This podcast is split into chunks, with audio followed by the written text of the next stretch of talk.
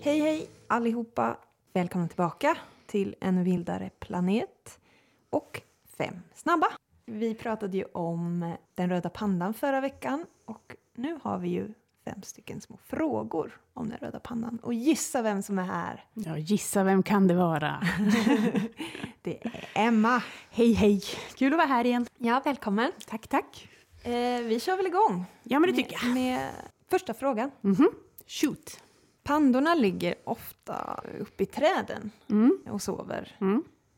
Eh, jag har läst någonstans att de sover två tredjedelar av dagen eller någonting sånt. Mm.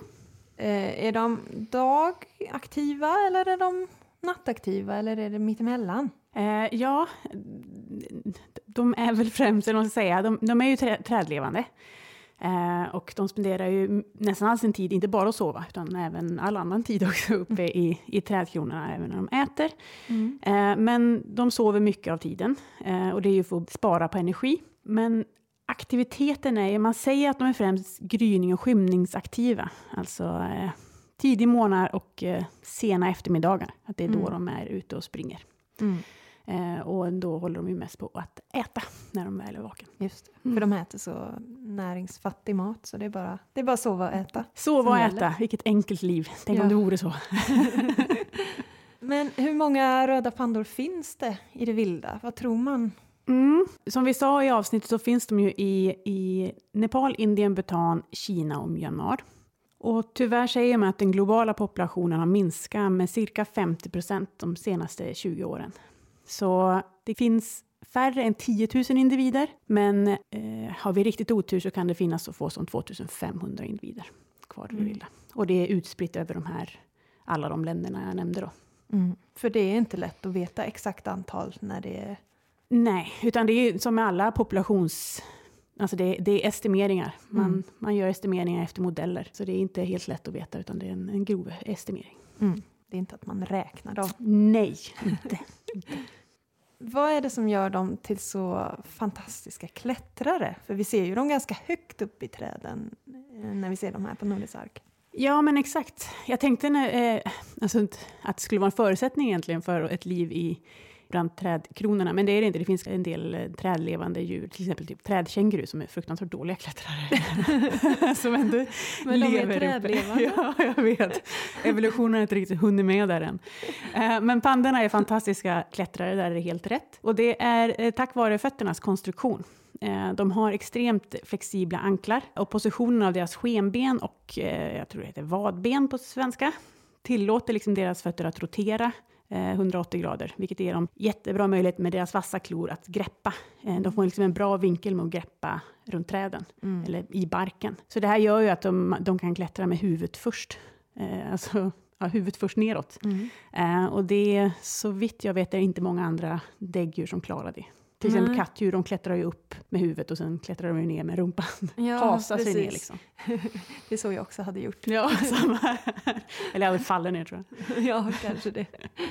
Ja, röda pandor, mm. de är ju solitära. Mm. Och de bor uppe i bergsskogarna. Hur hittar de varandra under parningstid? Ja, alltså det är väl, även om de är solitära så, och så är det många många solitära djur, att de lever ju inte helt skilt från varandra, utan de kan ju träffas även utanför parningstid. Och mm. Hannar har ju oftast liksom flera honor i sitt revir. Mm. Um, så de, de lever ju uh, i närhet av varandra, även fast, det inte är, även fast de är solitära. Mm.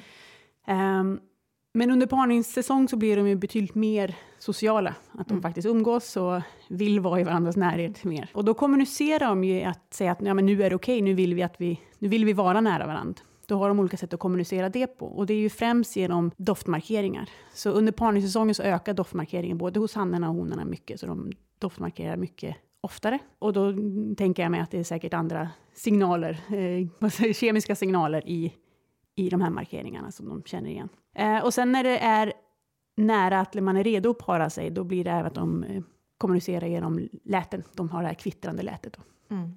Eh, och kommunicerar på det sättet. Men generellt, det största kommunikationssättet som de använder sig för året runt är ju doftmarkeringar.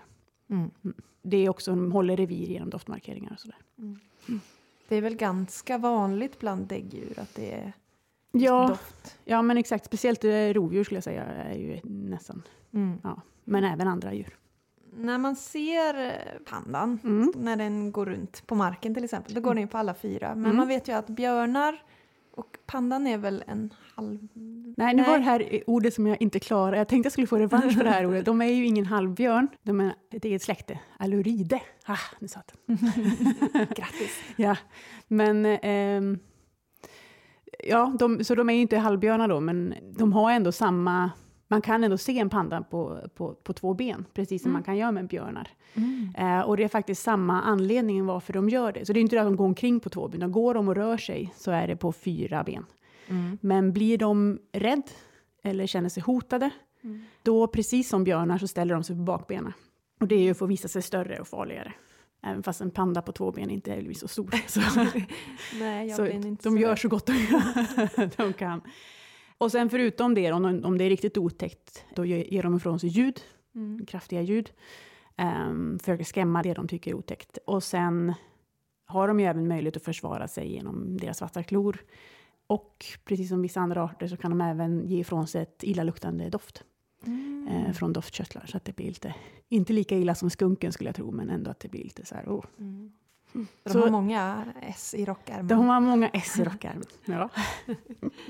Ja. Vad roligt, Mm. då vet vi lite mer om den röda pandan. Ja. enkelt. Tack så mycket Ja. för att du var här. Tack själv. Och våra röda pandaungar kan man fortfarande se i eh, våra livekamera. Så om du går in på nordisark.se livekameror så kan du få en glimt av dem innan de börjar bli tillräckligt stora för att lämna lyan. Så passa på nu, sista rycket. Ja. Sen är det bara att komma hit och resten av tiden få se dem Precis. live här. Då kommer de vara ute. Mm. Ja, tills nästa gång. Ha det så gott och vi hörs igen.